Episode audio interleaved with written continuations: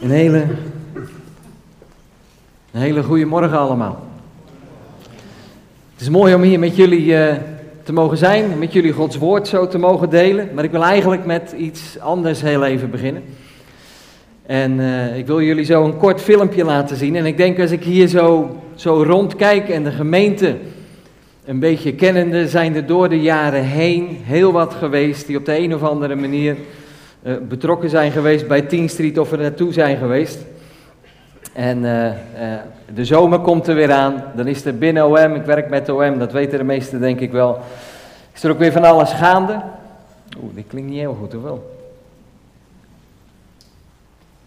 Um, is er, is er altijd van alles gaande. Er zijn teams die, die weggaan, dan gaat het hele jaar door. Maar er is natuurlijk ook een evenement, helemaal eind juli, begin augustus. Uh, met tieners, voor tieners, een geweldig evenement. Ik kan er van alles van zeggen, maar het filmpje zegt heel veel meer. Dus we gaan er heel even naar kijken met elkaar.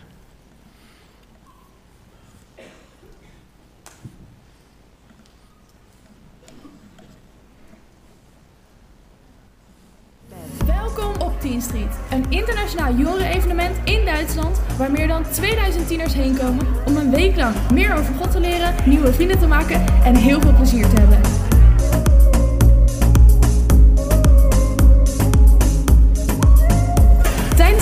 Word je aangemoedigd om een relatie met Jace aan te gaan. Iedere dag zijn er twee diensten waarin we God groot maken en meer leren over wat het betekent om Jezus te volgen. Samen met je small group en je coach zoek je meer verdieping in je bijbelstudies en gesprekken. Op 10 Street spelen onderlinge relaties en gezelligheid een belangrijke rol. Daarom heb je veel vrije tijd voor spelletjes, chillings, workshops, seminars en nog veel meer gekkigheid.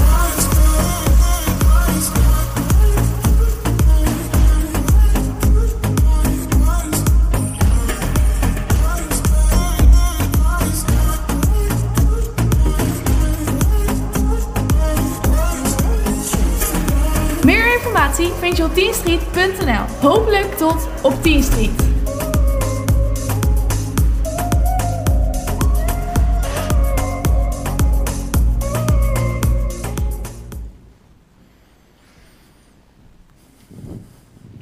Ja, wat ik altijd uh, fantastisch vind van dit evenement, ik, ik, nou ik kom er al heel wat jaren kook ervoor en als je dan al die, die tieners ziet, zo door de jaren heen, denk van wauw, wat is dat geweldig dat ze daar op dat moment samen kunnen komen. Dat kan natuurlijk het hele jaar door, maar dat er gewoon een week is met tieners uit heel Europa om samen te komen, om elkaar te ontmoeten, om, om Jezus te ontmoeten, om te groeien in geloof. En dat er heel veel anderen omheen staan om dit mogelijk te maken. En als ik dan denk, ook aan wat we net gezien hebben, zo'n zo mooi kereltje wat opgedragen wordt, Abel, staat nog maar net in het leven. En uh, we bidden en we hopen en we vragen God zegen ervoor dat die beste jongen nog een heel leven voor zich heeft en dat hij Jezus leert kennen. Dat hij gebruikt mag gaan worden en dat iets door hem heen zichtbaar mag worden, want dat is uiteindelijk het allermooiste. Er is een nieuwe generatie die op gaat groeien. Er is nu een generatie tieners, jongeren die gaan zeggen, wat mag ik betekenen? Ik heb Jezus leren kennen. Als ik terugkijk op mijn eigen leven, was ik zelf 12 jaar. Toen ik um, eigenlijk voor het eerst heel duidelijk hoorde wie Jezus was. Opgegroeid wel in een, uh, in een christelijk gezin, heel traditioneel. Dus altijd over de Bijbel gehoord. Maar ik hoorde pas, uh, of, ja, ik hoorde van mijn broer toen ik 12 was. Toen werkte hij op de Logos, het eerste schip van OM. Uh, wie Jezus voor hem was. Waarom hij naar dat schip toe was gegaan, want dat was echt niet heel normaal in het milieu waar ik vandaan kwam. En toen vertelde hij mij dus over Jezus. En uh, dat gebeurde op een bankje bij de Van Brienen Noordbrug. Dat was al vreemd genoeg dat dat buiten was, dat dat niet in de kerk was en dat hij daar gewoon over vertelde. Daar op dat moment ben ik gaan begrijpen, wow, Jezus die is, die is voor mij naar de wereld gekomen. Die heeft gewoon alles achtergelaten. Die is gestorven voor mij. Die heeft mij nieuw leven geschonken als ik in Hem geloof. En dat is de boodschap geweest waar ik me altijd aan vastgehouden heb. Nou, sinds die tijd ben ik ook gaan bidden. Ik heb gezegd, Heere God, wow, als ik later groot ben, als ik wat ouder ben, zou ik het geweldig vinden om ook naar een van die schepen toe te gaan. En er zal best een beetje avonturen mee gespeeld hebben, maar ik denk het allerbelangrijkste was, ik heb daar de mogelijkheid uh, om op die manier ook het evangelie bij andere mensen te brengen. Dat had mij enorm geraakt en daar wilde ik graag wat mee. Wat ik ermee duidelijk wil maken is dat, het, dat God soms al heel jong tot ons spreekt en dat wil gaan gebruiken. In de Bijbel lees je heel veel voorbeelden van, van jonge mannen en vrouwen die geroepen werden door God om door Hem gebruikt te gaan worden, om een verschil te maken in de omgeving waarin zij waren. Denk bijvoorbeeld aan, uh, aan David. David die was zo jong dat niemand dacht dat hij ooit gebruikt zou kunnen worden. Maar God had zijn oog op hem laten vallen. Hij werd uiteindelijk de koning. Uh, Jeremia die werd ook gekozen door God, maar die vond zelf dat hij veel te jong was. Er waren verschillende koningen die heel jong al waren. En waarvan gezegd werd dat ze op God gericht waren. Uh, moet denken aan Maria, die ontzettend jong was, door God geroepen was, geen idee had wat haar allemaal te wachten stond. Maar zei, hier ben ik, gebruik maar maar. Ik zeg het een beetje mijn eigen woorden, maar daar kwam het op neer. Zoveel. En ik denk als we er even over nadenken, dat we meer voorbeelden kennen. We zagen net Annie. We hebben afscheid genomen van haar. Zij is thuis. Maar als je haar een beetje kent, dan, dan, dan, dan zal ze je wel eens verhalen verteld hebben over vroeger. Verhalen over hoe jong ze was en hoe zij toen ook al betrokken was bij OM en hoe ze daar Joop had leren kennen. Zoveel. Die jong geroepen werden en door God gebruikt werden. Er zitten hier heel veel jongeren. En het is fantastisch, want God die roept jou om daar waar jij leeft en waar jij woont, uh, gebruikt te worden door God. Daar hoef je niet oud voor te zijn, hoef je niet ook eerst heel erg uh, gestudeerd voor te hebben. God laat zijn oog op je vallen en hij zegt ik wil je gebruiken. Als wij weten wie Jezus is, dan gaat er een generatie opgroeien die er ook weer gebruikt gaat worden. Daar worden wij warm van uh, binnen OM, daar word ik enthousiast van. Omdat ik terugkijk op mijn leven, zie ik dat dat gebeurd is. En mogen we onszelf afvragen, uh, wat mag ik daarin betekenen? Ik wil vanmorgen met jullie gaan ook naar een, uh, een jonge man. In elk geval op het moment dat hij geroepen werd, um, of meegenomen werd naar een ander land, was hij nog een, eh, een hele jonge man. En uh, op die leeftijd al was hij iemand die een, een verschil maakte, die anders wilde zijn. Die niet meeging met de rest. En als je heel even nadenkt, je ziet het al staan, het is Daniel. En Daniel die, die werd geroepen toen hij dus samen met zijn vrienden was en nog een andere groep die meegenomen werd uit Israël naar het, uh, naar het paleis van koning Nebukadnezar, want ze waren of van hoge kom af, ze waren gestudeerd, het waren wijze jongelui en ze waren speciaal uitgekozen om te gaan dienen aan het hof van Nebukadnezar. Nou, Daniel was een van die mannen. Staat bij dat hij jong was. Hij werd meegenomen en ik denk dat op zo'n moment de verleiding groot is om maar gewoon mee te doen met alles wat daar gebeurt. Kijk eens, ik ben uitgekozen. Jongen, hij heeft mij gezien op de een of andere manier. Ik mag dienen aan het hof van koning Nebukadnezar. En uh, dan zie je al dat eten en al die heerlijkheden. En je voelt je toch wel heel erg bijzonder.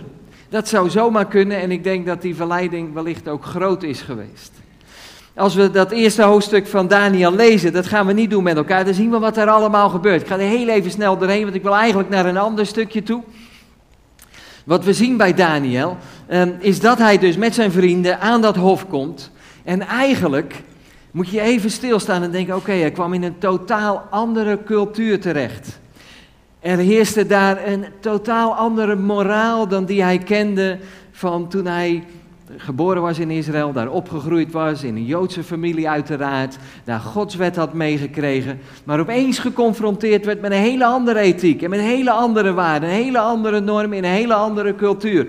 Alles was anders waar hij kwam. En ook werden er andere goden aanbeden, een andere religie. Er was niets meer van wat hij kende. Dan zien we dat hij eigenlijk in best veel dingen meegaat op dat moment. Hij laat zich onderwijzen daar aan het hof van Nebukadnezar. Um, hij laat zichzelf een andere naam geven, Belshazzar. Zoon van Bel, een van de goden, een van de goden van, uh, van het Babylonische Rijk. En ook daar gaat hij nog in mee. Die naam komen we later nog wel weer een keer tegen. Maar op het moment dat, dat hij daar al dat eten ziet, denkt hij, dat kan niet. hier is de grens voor mij eigenlijk. En dat maakt het anders voor hem. Daar stopt het voor hem. En daar zien we dat hij op een andere manier daarmee omgaat. En zegt weet je, eigenlijk willen wij dit eten niet hebben, want het is niet goed dat wij dat eten tot ons nemen. Zeg, geef alleen maar groente en fruit en water, dat is goed. En dan die, uh, die hoveling zegt, oh, maar dat gaat niet goed komen. Als de koning dat ziet, dan gaat hij zeggen, wie hebben jullie hier gebracht? Want alleen groente en fruit is niet goed voor je, dachten ze. Maar uh, het gaat wel goed. En hij springt er eigenlijk uit samen met zijn vrienden. Dat is het bijzondere van Daniel. Dat is het bijzondere van zijn leven en dat zien we op verschillende momenten terugkomen.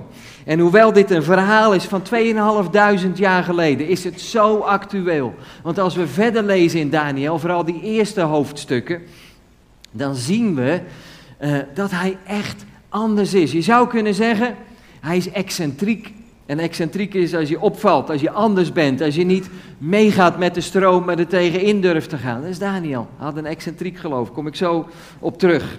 Maar wat is dat nu eigenlijk, dat dat in Daniel was? Was het nu alleen maar eh, een, een charismatische man? Was het nou iemand die gewoon sterk was? Was het iemand die gewoon tegen alles in wilde gaan? En dan komen we erachter, nee dat is niet zo. Want als we naar hoofdstuk 5 gaan, van Daniel, hoofdstuk 5 en hoofdstuk 6, dan zien we twee versen staan die ons duidelijk maken um, waar het uiteindelijk aan lag, waarom hij anders was. In hoofdstuk 5, vers 12 lezen we, want er werden in Daniel een uitzonderlijke geest, kennis en verstand om dromen uit te leggen, onthullingen van raadsels en ontwarring van knopen in hem gevonden, namelijk in Daniel, die de koning de naam Belshazzar had gegeven. Tweede keer dat we hierover lezen is in hoofdstuk 6, vers 4. En daar staat toen overtrof deze Daniel de rijksbestuurders en de stadhouders. Waarom? Omdat er een uitzonderlijke geest in hem was. Dus wat we hier zien is dat het niet zomaar is om wie Daniel was, maar het is met name omdat er een uitzonderlijke geest in Daniel gevonden werd. En dat vind ik zo mooi, want het ging niet om Daniel zelf, het ging om Gods geest die in hem was. En die was uitzonderlijk, dat was bijzonder. Daardoor was hij anders. Daarvoor, als wij Jezus Christus kennen, kunnen we ons ook herkennen in dit verhaal. Dan weten we, als we Jezus kennen, hebben we zijn geest ontvangen. Een uitzonderlijke geest. Er is geen geest in deze wereld die ook maar in de verste verte in de buurt komt van Gods geest die in ons is. Daardoor hebben wij, zou je kunnen zeggen, een uitzonderlijke geest in ons. Waardoor we mogen zijn wie we zijn in Jezus Christus. Of je nu jong bent of oud of ergens ertussenin, dat maakt niet zo heel veel uit. Hij is daar. En hoe komt dat tot uiting in het leven van Daniel? We zien dat en daar komen we zo op terug. En daar ga ik met jullie naar kijken als we een stukje met elkaar gaan lezen in hoofdstuk 6. Het is gewoon een van de allerbekendste verhalen. Misschien wel een verhaal waar heel veel mensen zich in vinden. Als je aan Daniel denkt, is het eerste waar je aan denkt Daniel in de leeuwenkuil. Nou, daar gaan we heel even bij stilstaan. Niet zozeer het gedeelte van de leeuwenkuil, maar wel wat gebeurde er op dat moment in het leven van Daniel. En wat kunnen we daarvan leren? En dan zien we, hij had een excentriek geloof. We zien dat hij een toegewijde levensstijl had. We zien dat er een krachtig getuigenis is. Dat hij compromisloze keuzes maakte. En dat er een volledig vertrouwen op God was. Dit zijn dingen die we terugvinden als we lezen over dat verhaal van Daniel die uiteindelijk in die leeuwenkuil terechtkomt. Waar leidt dat toe? Nou, we zullen zien aan het einde van dat hoofdstuk uh, hoop voor de volken. En dat is het allermooiste dat niet Daniel centraal staat, dat niet het hele gebeuren om Daniel heen centraal staat, maar dat we zeggen, die geest in Daniel, die leidde tot iets bijzonders. En dat is dat er een koning, een heidense koning, gaat getuigen van het feit dat er maar één waarachtige God is. En in dit geval zegt hij, dat is de, de God van Daniel. Daar komen we straks met elkaar bij uit. Dus een uitzonderlijke geest wordt er gevonden in Daniel. En dan zien we in de eerste plaats dat hem dat een excentriek geloof geeft. Dat zagen we al eh, in dat eerste hoofdstuk. Als we Daniel voor het eerst ontmoeten, als hij aan het hof komt. En dan springt hij eruit samen met zijn vrienden. We zien dat op andere momenten. We zien dat ook als we in hoofdstuk 5 net gekeken hebben. Dan is daar die hand die op de muur schrijft. Dat is wat er op dat moment gebeurt. De koning die op dat moment regeert, die, die, die schrikt zich bijna dood. En die zegt, wat staat hier? En dan moeten ze weer denken aan Daniel. Hij was een beetje buiten beeld geraakt misschien. Maar dan zeggen ze, daar is iemand met een uitzonderlijke geest en ontzettend veel kennis. En hij kan zeker uitleggen wat hier gebeurd is. Ze herinneren zich Daniel. Waarom? Hij sprong eruit. Hij was anders dan de anderen. Hij was niet hetzelfde als die andere magiërs en die andere wijze mensen die daar aan het hof waren van de koning. Hij sprong eruit. Hij was excentriek door die geest die in hem was. Gaan we verder, dan komen we bij de tweede. Dan zien we in Daniel een toegewijde levensstijl. We gaan met elkaar lezen de eerste vier versen van hoofdstuk 6. Darius, de Meder, ontving het koningschap toen hij ongeveer 62 jaar oud was. Het behaagde Darius over het koninkrijk 120 stadhouders aan te stellen die over heel het koninkrijk verdeeld zouden zijn. En over hen drie rijksbestuurders van wie Daniel er één was. Aan hen moesten die stadhouders verantwoording afleggen, opdat de koning niet benadeeld zou worden. Toen overtrof deze Daniel de rijksbestuurders en de stadhouders, omdat er een uitzonderlijke geest in hem was. De koning overwoog hem over heel het koninkrijk aan te stellen. Nou, tot zover dit stukje. Dus we zien hier, dan, uh, we ontmoeten allereerst Darius. En Darius die wordt koning. En op het moment dat hij koning wordt, dan gaat de bezem er even doorheen. En uh, dan moet alles anders. Um, dat zien we wel vaker als we een nieuwe, een nieuwe bestuurder ergens krijgen, of een nieuwe directeur, of iemand die het voor het zeggen krijgt in een bedrijf. Dan moeten de dingen even net weer wat anders gebeuren. En als het stof dan neergedaald is, dan, gaan de dingen weer verder. Um, en hier zien we dat ook bij, uh, bij Darius. Hij zegt er worden 120 mensen, mannen aangesteld, die over het rijk heersen, zou je kunnen zeggen, die het zeggen hebben over een gedeelte. Daar overheen drie rijksbestuurders. En daarmee wilde hij dus voorkomen dat hij benadeeld zou worden. Dat er corruptie gevonden zou worden in zijn rijk. En uh, hij ziet dat een van die drie is Daniel. En die Daniel, die is beter dan die 120 stadhouders. Die is beter dan zijn naaste collega's, de andere twee rijksbestuurders. En die koning zegt, jongen, die zou ik eigenlijk direct onder mij moeten hebben. Dat is een man, als ik daar wat tegen zeg, dan kan ik ervan uitgaan dat het gebeurt. Dat is een man op wie je kan vertrouwen. Als ik daar mijn geld aan toevertrouw, dan weet ik dat het goed komt. Dat ik niet drie keer hoef te kijken of dat het wel klopt uiteindelijk in de papieren. Daniel, die is te vertrouwen. Dus we zien hier dat ondanks het feit dat hij een koninkrijk dient wat uiteindelijk een vijandig koninkrijk is van het volk Israël, want ze waren in ballingschap genomen. Dat hij zijn gaven en talenten inzet voor dat koninkrijk. Dat hij een toegewijde levensstijl is, ondanks dat hij in een land is en in een omgeving is waar hij niet zelf voor gekozen had. Hij werd meegenomen, er werd voor hem gekozen. Ondanks dat, want um, zien we dat hij al die jaren, want op dit moment is hij al een heel stuk ouder dan toen we hem voor het eerst ontmoetten in hoofdstuk 1, dat hij trouw gebleven is. Dat hij een aards koninkrijk diende, maar dat uiteindelijk zijn blik gericht was op dat hemelse koninkrijk. Daar moet ik op gericht zijn. Dat is de God die ik dien en dan maakt het niet uit waar ik ben, maar dan ben ik trouw in wat ik doe. Ik ben toegewijd. Dat is de situatie met Daniel in de keuzes die hij maakte. Nou, dan zien we daar dat daar uh, die, die uh, stadhouders zijn en die rijksbestuurders die gedreven worden door jaloezie en hem dan te pakken willen nemen. Maar zo zien we, ze kunnen niets verkeerds vinden in het leven of in de werkethiek van Daniel. Nou, ik denk dat dat excentriek gedrag is. Daarvoor sprong hij er dus ook uit met kop en schouders. Ze konden niets bij hem vinden wat niet klopte. Um, Dat is zelfs bijzonder vandaag. Hoeveel bestuurders zijn er niet eh, die er zelf beter van willen worden? We lezen er regelmatig over, we horen erover en misschien heb je het in je eigen omgeving meegemaakt.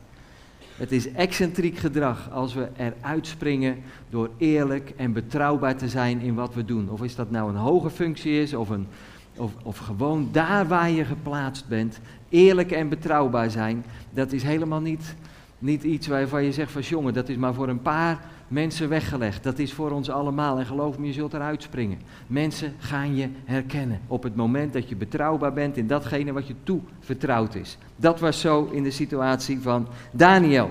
Dan zien we vervolgens dat hij dus werkelijk een krachtig getuigenis heeft in wie hij is. Want als het hem niet lukt, hun niet lukt om hem te pakken op zijn werkethiek zou je kunnen zeggen, op zijn betrouwbaarheid, dan denken ze, dan moeten we op zoek naar iets anders. Vers 5. Daarop gingen de rijksbestuurders en de stadhouders zoeken naar een grond voor een aanklacht tegen Daniel in zaken het koninkrijk. heb ik net gezegd. Daar konden ze niets in vinden. Zij konden geen enkele grond voor een aanklacht of iets verkeerds vinden, omdat hij betrouwbaar was en er geen nalatigheid of iets verkeerds bij hem te vinden was. Toen zeiden deze mannen, we zullen tegen deze Daniel geen enkele grond voor een aanklacht vinden, tenzij we iets tegen hem vinden in de wet van zijn God. Ze merken dus dat hij volledig toegewijd is aan de God die hij dient. Ze zien niet alleen dat hij betrouwbaar is op de werkvloer, maar er zit nog iets anders bij die Daniel. Hij is trouw aan zijn God. Dat is niet de God van het Babylonische Rijk, dat is de God die hij diende. En dus zeggen die mannen, als wij dit zien in zijn leven, dan moeten we hem daar ergens op kunnen pakken. Hij is die God trouw.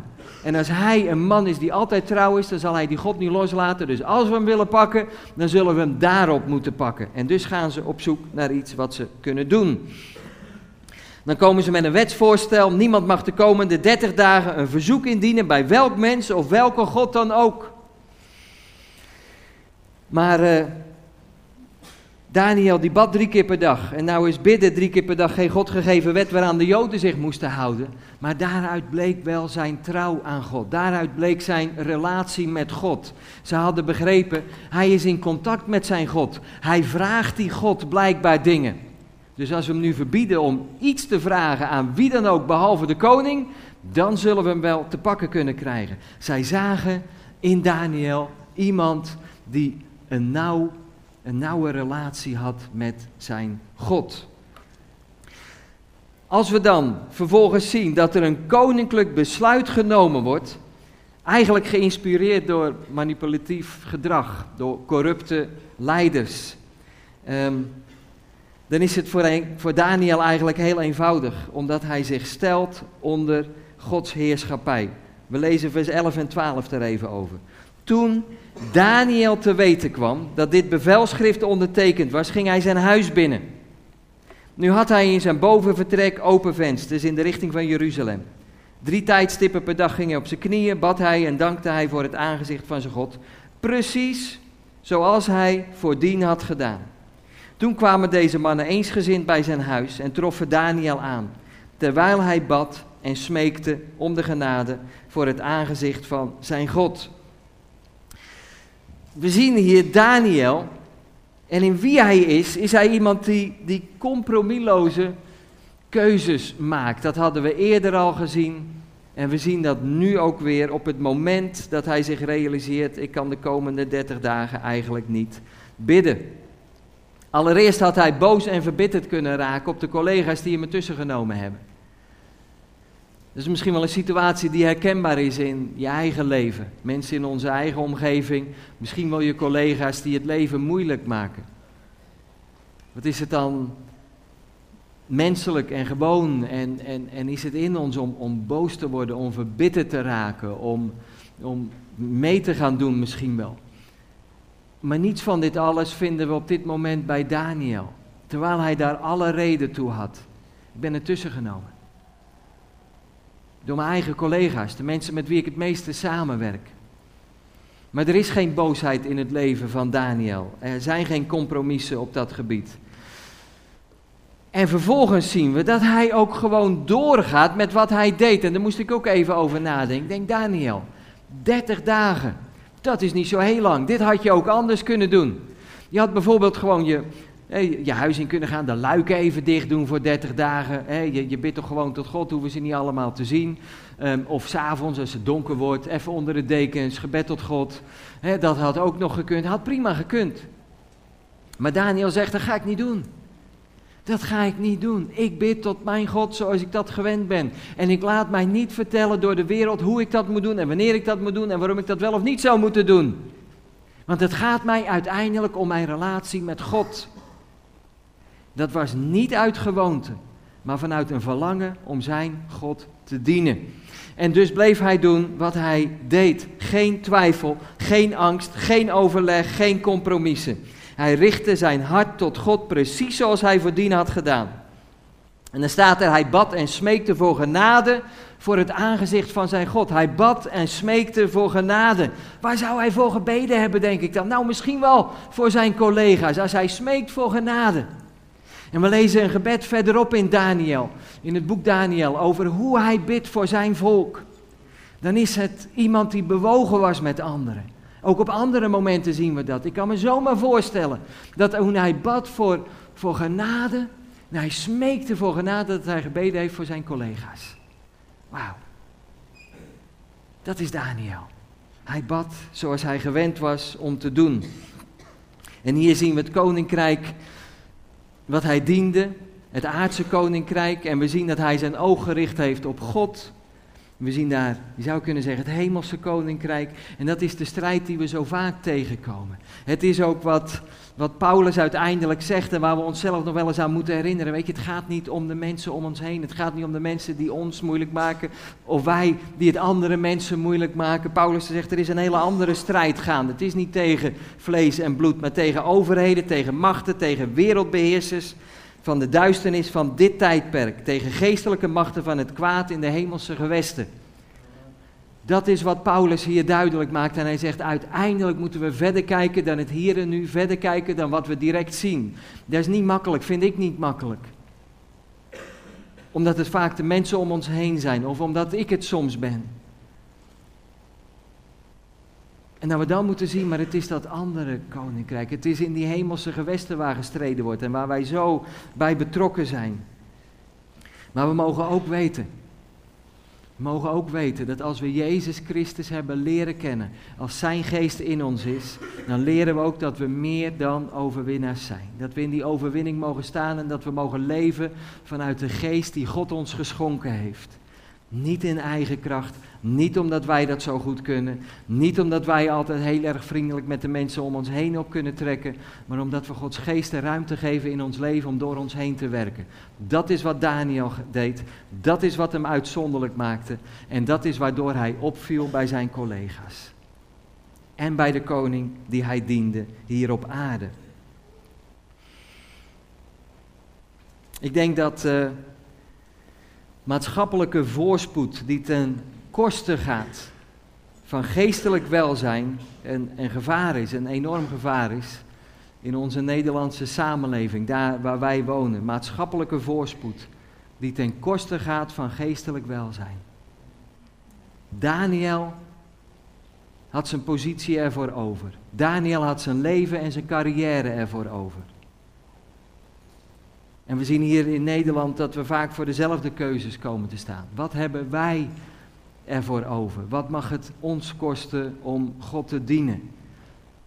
We gaan zo makkelijk mee in die maatschappelijke voorspoed. En dat betekent helemaal niet dat we dus ergens maar onder die, die, die ladder moeten bungelen, maar wel wat belangrijk is voor ons.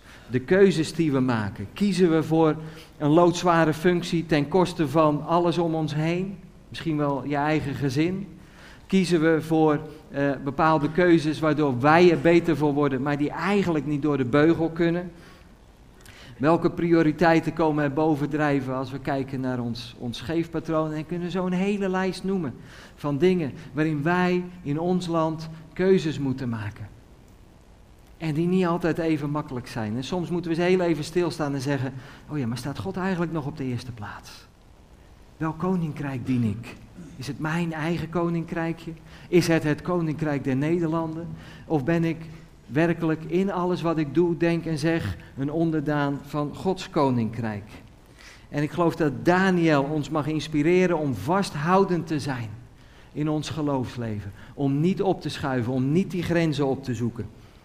En om te zeggen, ik ben meer dan een overwinnaar. En met hem sta ik sterk in deze dingen.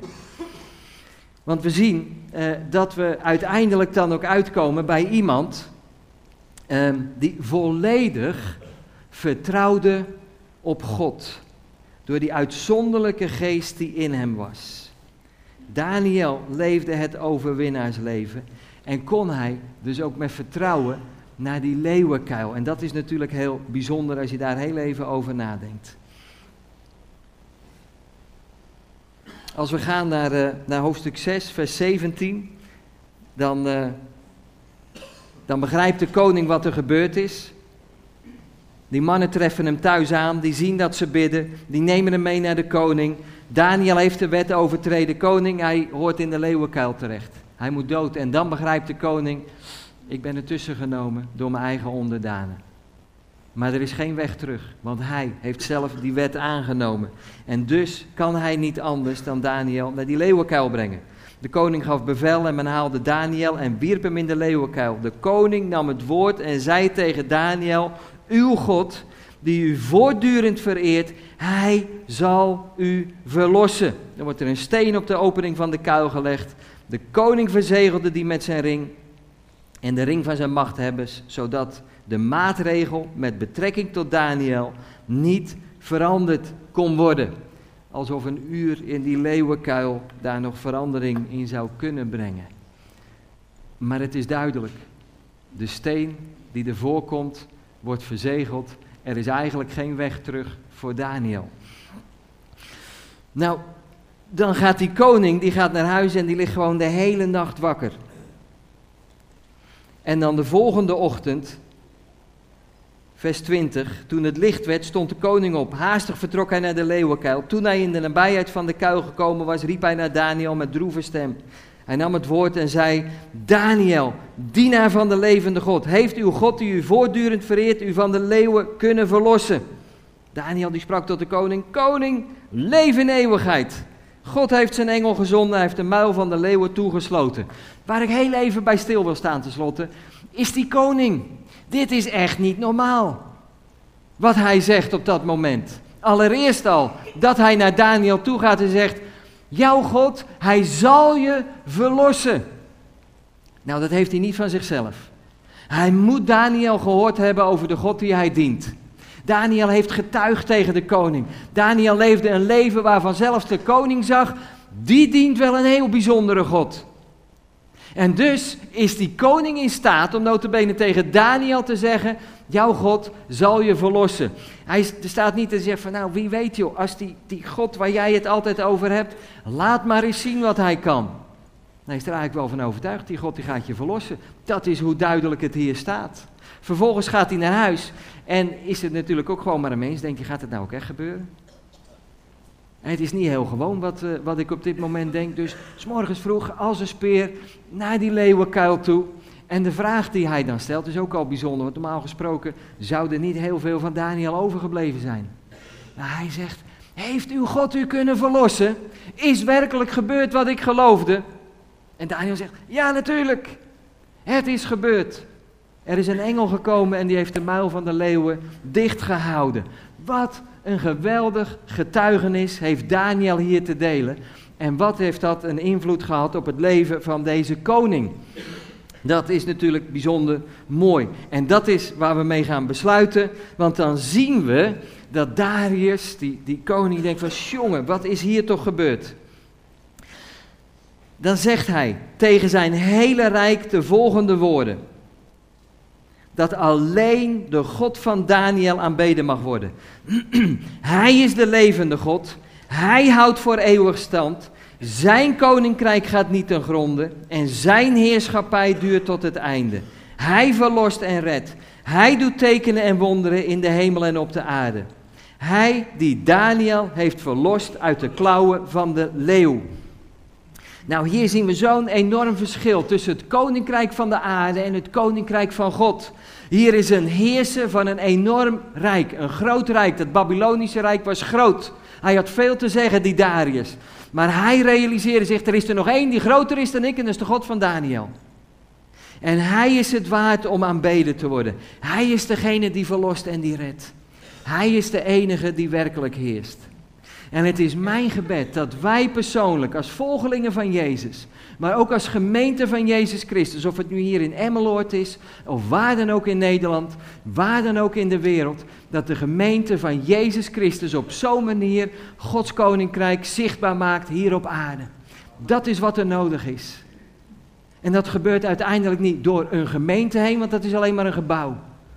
Dat gebeurt door individuen heen die geloven dat Jezus Christus heerst tot in eeuwigheid. En als Hij zichtbaar mag worden door ons heen, dan gaat dat een verschil maken in deze wereld, zoals dat een verschil maakte bij een heidense koning van een groot rijk door het leven van Daniel heen.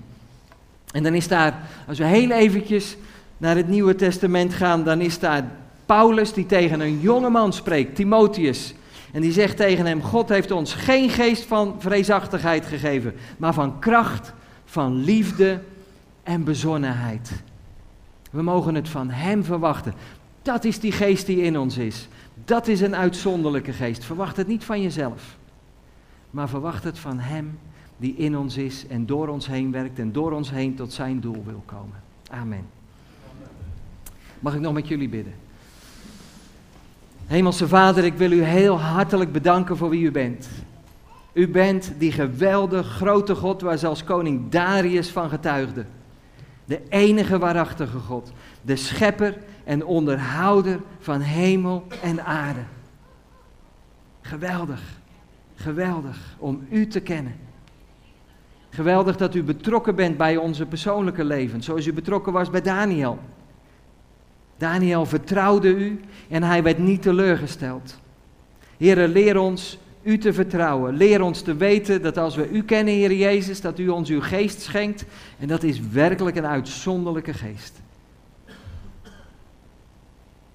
En door die geest mogen wij een verschil maken in deze wereld. Zoals Daniel een verschil maakte. Zoals zijn vrienden een verschil maakten. Zoals mensen die wij kennen ons heen een verschil maken. Zoals wij, daar waar we geplaatst zijn, u mogen vertegenwoordigen. En dat daardoorheen uw koninkrijk zichtbaar wordt. En ik wil u bidden dat u ons erbij helpt. Want dat is helemaal niet zo eenvoudig. We hoeven het ook allemaal niet op dezelfde manier te doen, maar laat ons maar zien, heren, hoe we u zichtbaar mogen maken. Wilt u ons maar gebruiken? Wilt u tot uw doel komen? Niet om ons. En ook niet alleen om de mensen om ons heen, alleen om ons land, alleen om deze wereld, maar opdat u verheerlijkt wordt, opdat u groot gemaakt wordt, want u komt alle eer toe. Tot in alle eeuwigheid. Amen.